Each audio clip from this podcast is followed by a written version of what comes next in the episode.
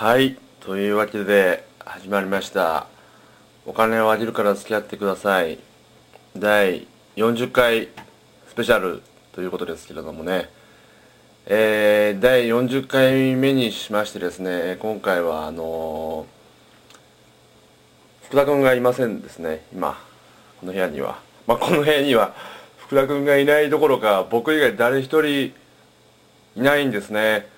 というのはここ僕の自宅でですね今回あのちょっと福田君とその何て言うんでしょうね。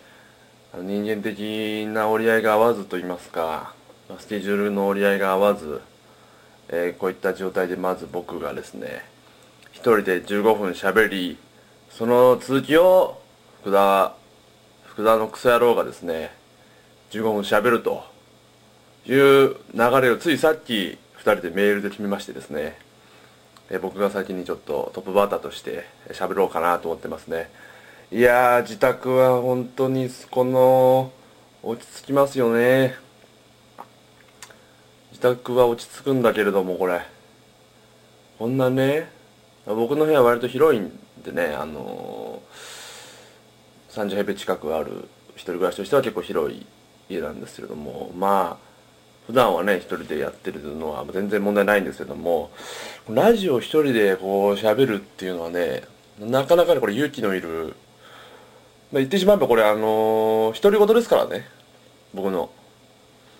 誰も聞いてる人いないんだからこれ。これラジオがこれオンエアされなかった日にはですよ。僕何やってるんだと。ね隣の家の人が僕のこの声を聞いてねあの病院に電話したっておかしくないんだ。ね。そういったあの勇気のあることを僕は今やってるんだってことを分かっていただきたいですね、まあ、分かっていただかなくてもいいんですけどね。さあといったわけですね、えー、私の週は40回記念まあくしくも40回記念ということになるんでしょうかね。もうこういった形でまあ前半 MST 後半福田福助という形で、えー、お送りします。一体どうなることやら僕はあと13分くらいこれが持つのかっていうとね非常に不安ですけれども、まあ、とりあえずちょっとオープニングを行ってみようかな、これも僕当然一人でやってますよ。音楽もね。いいですか？じゃあやりますじゃあ。はいよろしくろ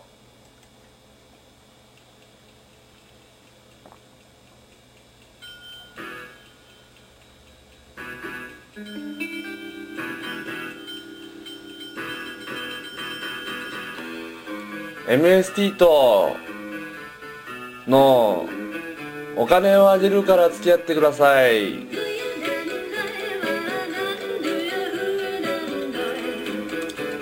さあといったわけで始まりました。第40回。お金をあげるから付き合ってくださいですけれどもね。いやー一人ですね。もう誰をどこのどう見てもねあの僕の家財道具しかもう一うるさいな。といいよ。次回ちょっと音下げるよ。ね。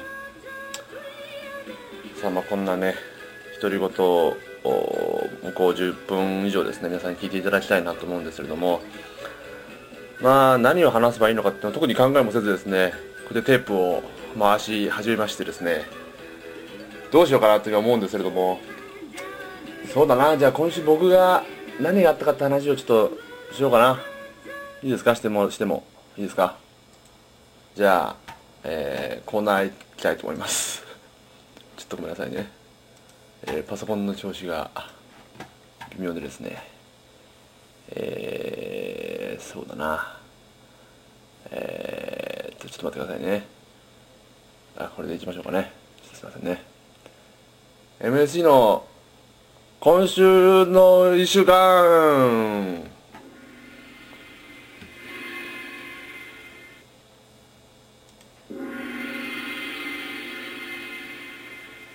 はい。はい。はい。はい。はい。すいませんね。いやー今週はねいろんなことがありましたね。もう何があったかっていうとね。何があった月曜日。月曜日何があったかな。今週の月曜日は。え？何があったかんだよ。え？今週の月曜日といえばですよ。会社がありましたね。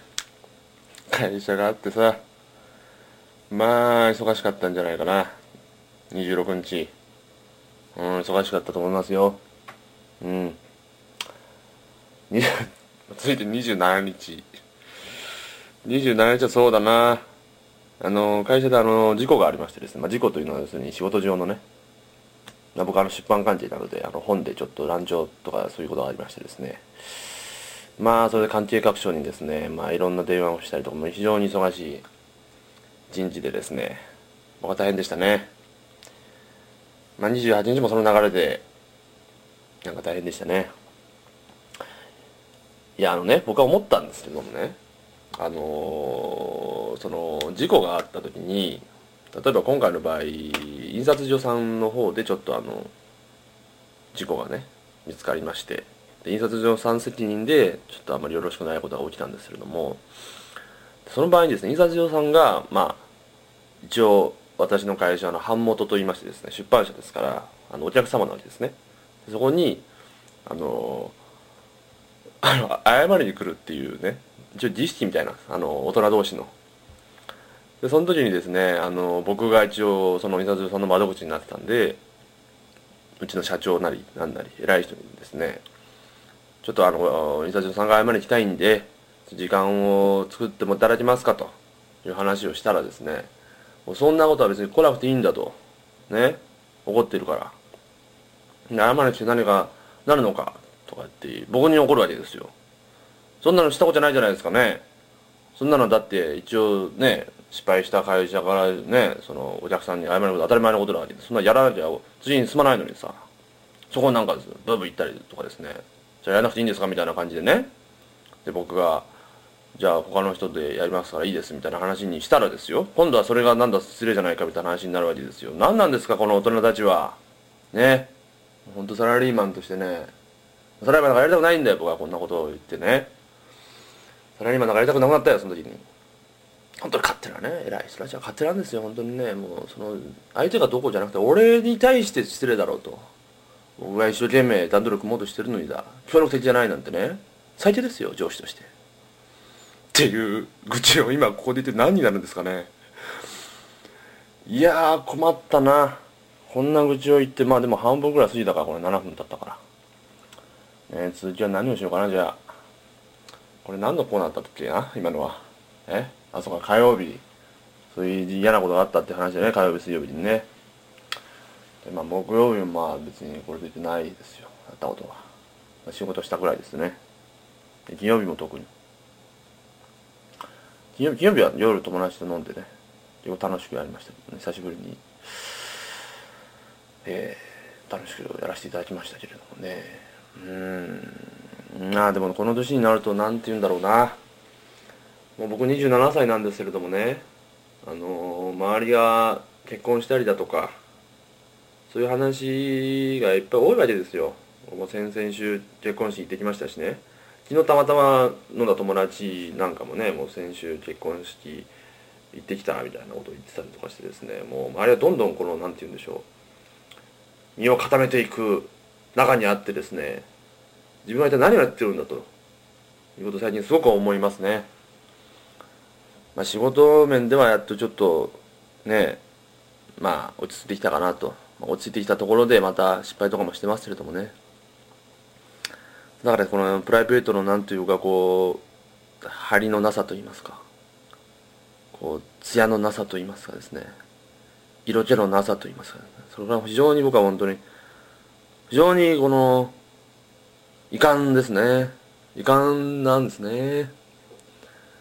うーん、なんかどうしたらいいかなと思ってね、あの、コンパ、合同コンパの方もですね、何回かこれやらせていただいてるわけですけども、まあ、なかなかね、こう、運命の女性というんですか、巡り会えてる気がしないというか、いうところですよね。これもどうしたらいいんだろうなってことを、まあ、毎日考えながら、これ本当にただの一人事になってて、これ後で聞いたら僕は死んじゃうんじゃないかっていう自分の自分で自分を殺してしまうんじゃないかっていう怖さで今いっぱいなんですけれどもねまあこれ後でみんなで楽しく聞いてくれればいいんじゃないかと思ってますけどね、まあ、そういった流れでじゃあ最後にね皆さんとりあえずこれは今週も聞いとこうかという部分があると思うんでこのコーナーやっておきましょうかね。MST が彼女を作る15の方法。はいといったあれですね。15の方法で何個方法論解いてあるのっていう部分があるんですけども。いや今週先週のあれですよね。あの土曜日にあの合コンをして、えー、3対3でやってでまあ合コンとか嫌だなっていう話をしたっていうのが日曜日だったと思うんですけども。まあそれから1週間経ちましてですね。まあこれといってまあ動きもなくいやまあ厳密的に言うとですねまあ一応動き動いてみたんです僕はね。あのー、コンパで知り合った女性とちょっと近いうちご飯でもどうですか？みたいなメールを僕はどうしようかと迷ったんですよね。してみたんです一応。その相手っていうのはやっぱりその友達が非常に勧めてくれる人だったってね。でそれをちょっとじゃあそんなに勧めてくれるんだったらと、まあ、一度は個人的にお会いしなければこれは失礼に当たるんじゃないかなっていうのと、まあ、別にそんな興味のない人でもなかったんで。というかまあ、まあ、なんて言ったらいいんだろうな。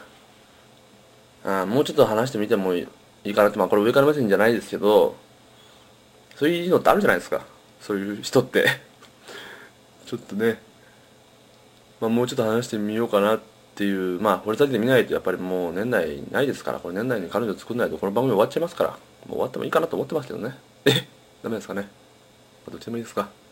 どっちでもいいんでしょ？あんたたちだって。ね。僕は一人でこれ一生懸命さこれ更新するためにさ家でさブツブツブツ言ってんだよこうやって。相当行かれてる風景だよ。普通に言ったら、ね、それを僕は恥を忍んでだよ。こうしてやってるんだから。君たちもちょっと恥を忍んでさ電車の中で笑ってたらいいじゃないかこれ聞きながら。プクプクプクプクプクプク笑えばいいだろ。なあ中学生くらいの時にさいただろ。ヤング漫画でさ稲中やなんかグリーンヒルだかなんかを見て笑ってるやついただろ。まあ俺だけどさそういうノリで笑ってやってくれよ。いやだからそれでね行ったわけですよ。行ったわけのメールをしてじゃ会いましょうかって話をして、まあ、再来週くらいにもちょっと2人で軽く飲みに行こうかっていうことになったんですけどね。まあそれの話はまたいつかするか分かんないです。しないかもしれないです。もうこんな話したくないかもしれないです。僕はその時には。ね。したくないかもしれないけどまあするかも分かんないけどさ。まあとりあえずでも相手の言うことですからね。もうその女性が後でね例えばその女性と僕が付き合うことになったとして後でこのラジオを聞いたらどういう気持ちなのかっていう冷めるんじゃないかっていう怖さを僕はあるね、まあ、そこまでいかないかもしれないけども、まあ、あるいはその友達自体とかでこのラジオの存在をその彼女が聞いてたよ。こんな僕の微妙な空気をね聞いたらもうどんな思いをするかって。本当に申し訳ない。申し訳さない。けれども喋ることがないからここで喋ってるわけですけどもね。自分を晒してるわけですよ。ね、といったわけなんですけども、ね、僕はね一つねこのラジオでねこれ僕だけこんだけ自分を晒してねいることに対してですね一言言いたいと思うのは福田福助ですよ。あいつがねどんだけ晒してんだっていうことですよ。僕はこんだけ身を削ってラジオ盛り上げようとしてるにかかわらず彼って何やってるんだっていうねと思ってますね。まあその言ってもしょうがないんでしょうけどね。もうあいつはああいう人間ですからもうあんまり人の気持ちとか分かんない人間ですからねあいつはね。調子もない今日だってね。こうやって一人でやってるんだってね。彼があの約束をすっぽかしたからなんですよ。本来ならば彼がここに来てですよ。二人でラジオやるってことも先週の時点で言ってたわけですよ。それがなんかねちょっとなんか忙しくなっちゃったから来れないからどうだだだだっつってね。こうやって面倒くさいことになってるわけですよ。考えられないんだあいつは。本当に人の気持ちがわからないね。もう腐った人間なんですよ。そんな彼ですよね。そんな彼にも彼女がいるわけですよね。もう考えられないですね。どういう女なんだと。ちょっと頭おかしいんじゃないかと思うんですけどもね。それは申し訳ない。これ彼女に言ったら今日悪くしたなら申し訳ないけども君も大大概変なやつだと僕は思ってるよ。悪いか？おいおい思ってんだよ。な。あで僕はもうもう一回まああれだ。あれだここでもうそろそろ僕もねケツに火がついてます11月入りましてね。もういい加減その彼女を作んなきゃいけないってことで彼女の作り方をぜひねあのこの後この後の15分でねもう15分そろそろ経ちますんでね福田福助にですね教えていただきたいですね。どうやったら彼女作れるんだと。彼はもう彼女作ったわけですよ今年の春に。でも深く掘り下げればですよ彼女との馴れ初めまあ実名まで言いたくないかもしれないけれどもどこでどうやってやってどうやって彼女彼氏になったのかっていうのを深くほとんど話してないんです彼は本当は。それ皆さん気づいてないでしょでその辺にやつのなんかこう表現者としての中途半端さが感じられるでしょそう思いませんか？だから僕はねここにもう今回こうやってなんだろう。半々でやるっていうことになったんでもうぜひもう15分過ぎたんでもうここで終わりにしますけれどもね。福田君ちょっとその僕にさ君の彼女との馴れ初めおよび実名を晒してもらってさね。僕にこの彼女の作り方教えてくれよ。なあ頼むよ。いいかい?いいね?じゃあちょっとこれあのとりあえず、まあ、僕の MSC の会はこれで終わりってことで。次はあの福田君にね。えー、送りますけどさよなら福田君。福田君よろしく。福田君次はよろしくな。はい MST でした。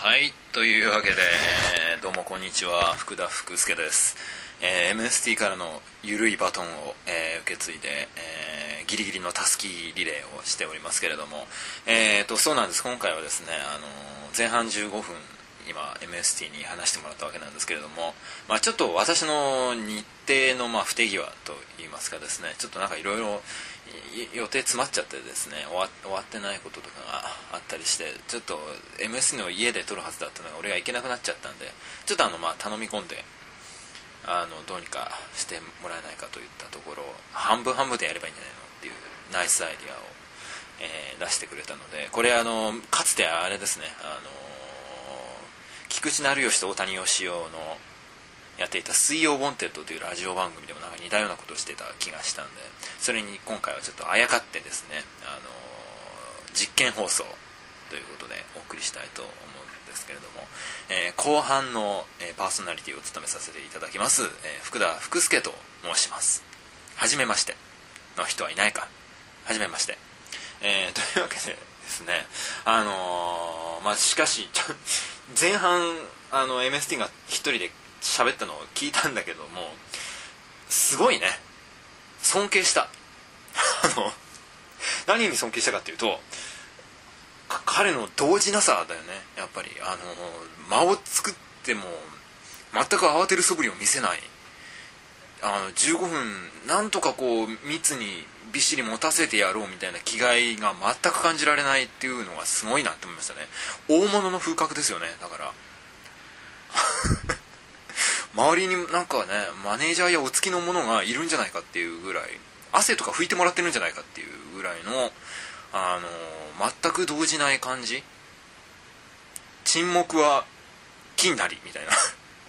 沈黙は恐れないぞっていうね。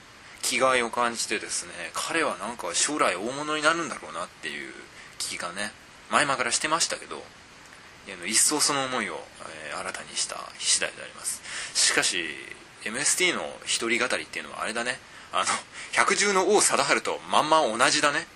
彼はあれはコンテンツというよりも素でやってる感じがするしたね。あの今日の一人語りを聞いてたら。と思いましたけれども。そしてあの MST の1週間というすごいコーナーを自分で作ってましたけれども。ややばいねあれはね。ししかも本当ほとんど自分の会社の愚痴になってましたからね。いや人間一人で喋らせるとああなるんだなっていうところはありますけれども。しかしそんなことを言ってるとですね私にも火の粉が降りかかってきているわけで私も今回家に誰もいないんですね。あのせこせこ仕事とかなんかちょっと溜まってたわタスクを片付けてたらですねあの家に誰もいない状態なんで今一人で喋ってるわけなんですけれども。俺はでもなんかあれですよ部屋で一人で喋ってるっていうことに対する抵抗感っていうのはねあんまないんですよ。あのー、かつては、まあ、やっぱり部屋に誰もいない時に自分で何か歌ったり 何かをしゃべセリフを喋ったりとかしてそれを自分一人でレコーダーに撮って聞いてたりしてましたからあの、全然これは抵抗ないです。あ全然このレコーダーの向こうにいるスピーカーの向こうにいるリスナーにですねあのいなくたって大丈夫ですよ。いないないリスナーに向かって喋るっていうのは得意得意中の得意と言っても過言ではないです。なのであの全く気にせずに喋っていこうかなと思うんですけれども。しかしあのやっぱり MST にも私にも言えることなんですが場をつなぐ喋りで間をつなぐことの難しさっていうのはあるじゃないですか。でしかし俺これはじゃあ誰に学ぼうかと思った時に昨日ねちょっと某アニメのイベントに、まあ、仕事の関係で招待されて行ってきたんですけど声優たちのトークショーみたいな座談会みたいなのが前半あって。でそのアニメで主役を務めている、まあ、男の声優さんっていう人がいるんですけど彼がね、まあ、場を回すうまいんですよ。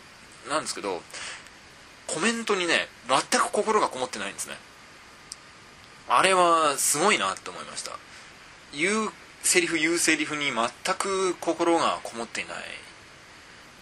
ただこう場を回すためだけに存在する言語っていうものがそのそこにはありまして。え彼はなんか怖いなすごいなと思うと同時に彼のそのなんか空虚なぽっかりとした空っぽの心というものにですねあの身震いがしましたね。東野幸治よりも心が冷たいんじゃないかっていうぐらいの感じでですねあ場を回すっていうのはああやってやるんだなっていうね。テレビ見ててもちょっと感じるじゃないですか。明石家さんまとかのトークに対してうわ心ないなっていう時あるじゃないですか。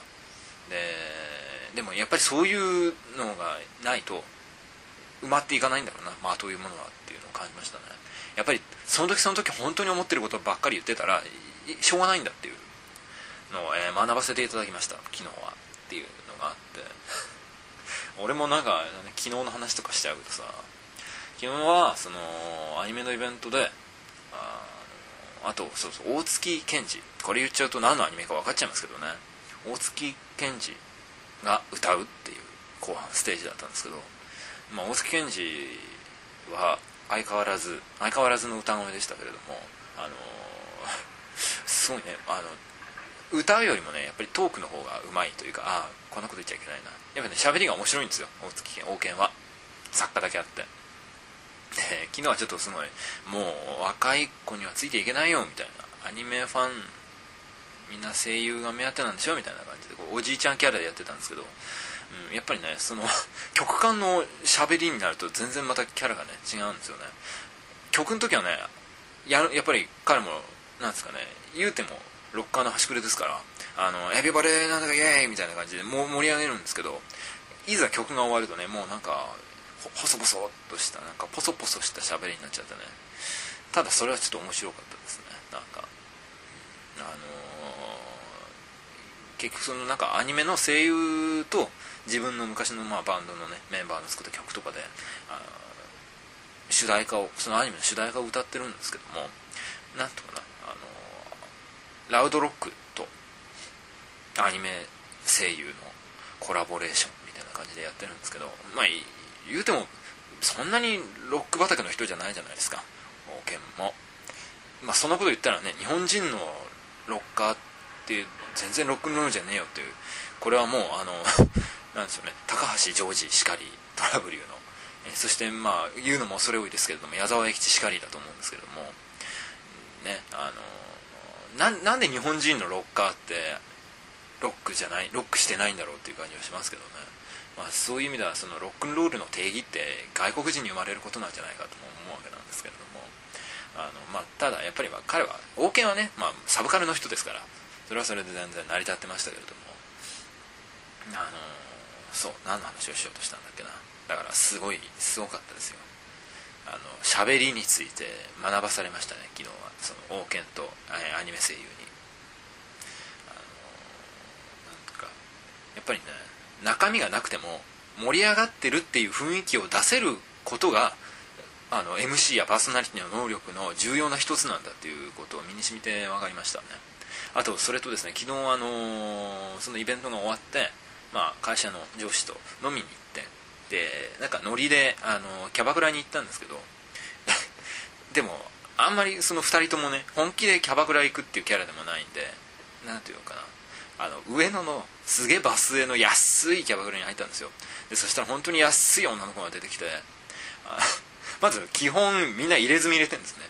タトゥーっていうか入れ墨って感じのなんかスザクみたいなガチなんですよなんか。入れ入れ方が肩とかに。バーって可愛くワンポイントとかじゃないんですよね。あの肩に一面になんかドーンってあったりしてやべえなってヤクザの女だろこれみたいな。しかもすごいなんかもう二の腕がパツンパツンなんですよね。でなんかまあでも一応ねその話はしてくれるんですけどあれはちょっとやばかったですね。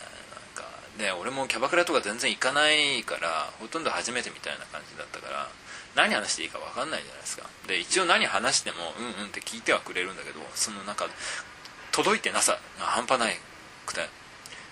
向こうも結構、まあ、若かったりするからさまずあの大月健二見てきたんだとか言っても大月健二を知らないでしょ。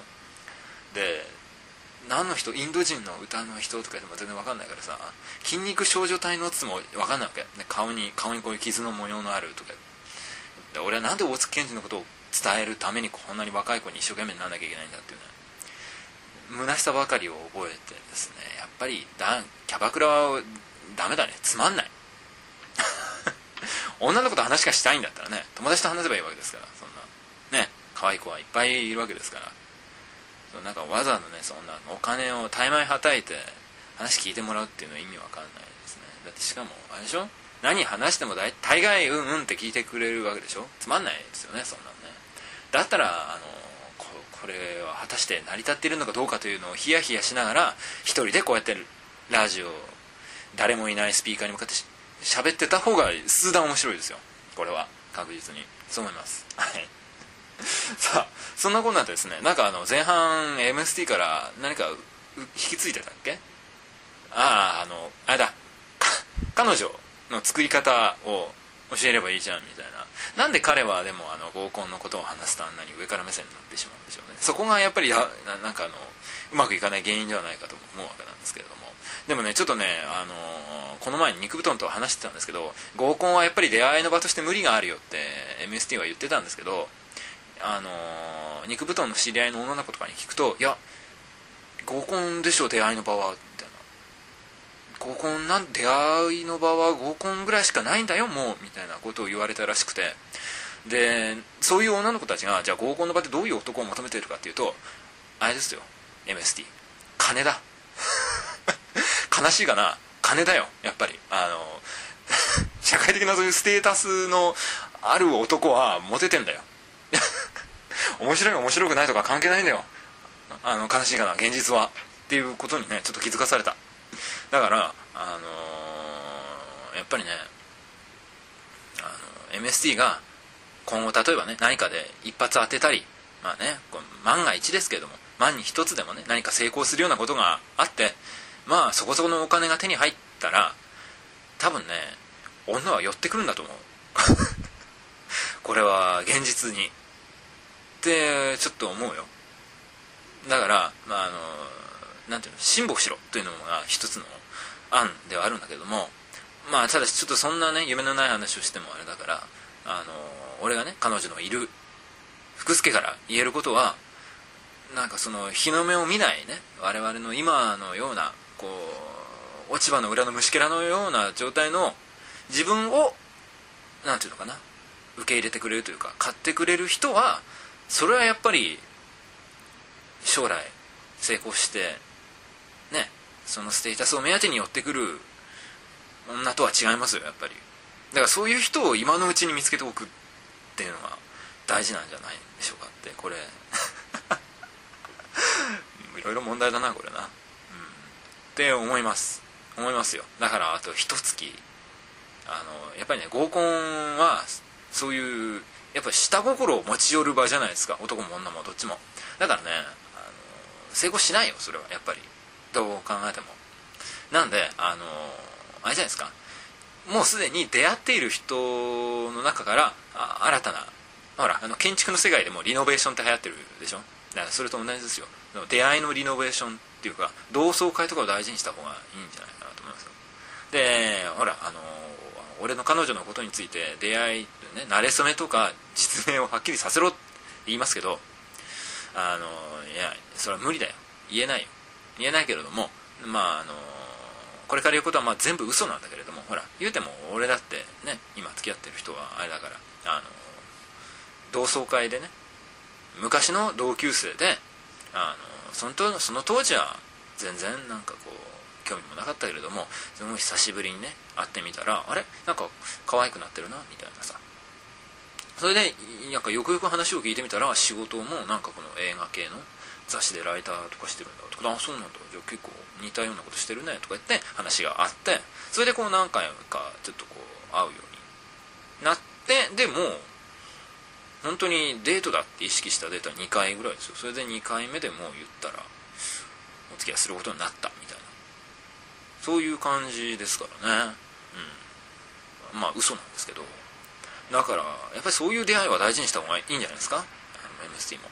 ね。あのあれですから、言うてもねあの彼女は結構旧家族のあの由緒正しい家の出なんですけどあ名前あの名字がねまあ、実名を教えろって言うんで教えますけど水前寺さんって言うんですね。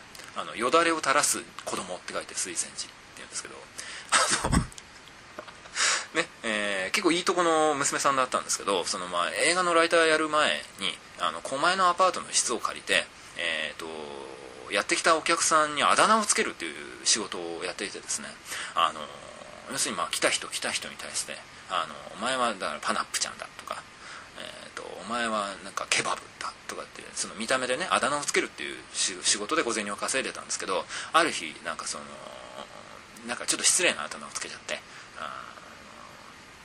そしたら「そら豆。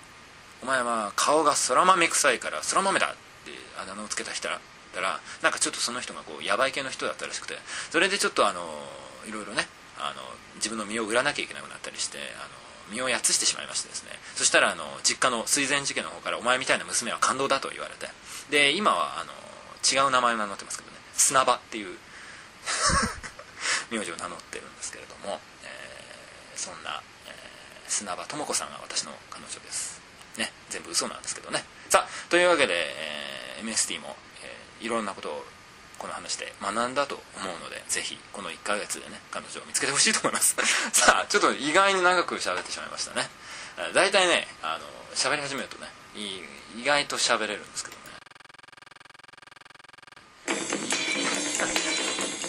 大きかった大きかった。まあちょっといかんせんやっぱり一人っていうのはでもまあ辛いものはありますよね。まあちょっとね MST があんなにテンション低い感じでやってくるとは思わなかったんでちょっとこん私も合わせてみましたけれども。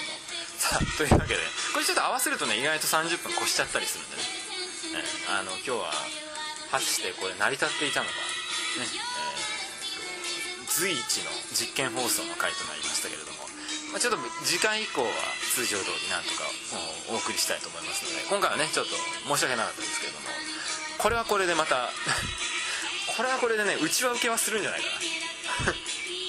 多分ねあの肉布団とかは後で大爆笑したのが聞いてると思いますけれども、えー、そんなこんなで今日は前半後半セパレートタイプでお送りした「お金をあげるから付き合ってください」えー、来週は通常通り2人でお届けしたいと思います。それではまた来週もモテますように。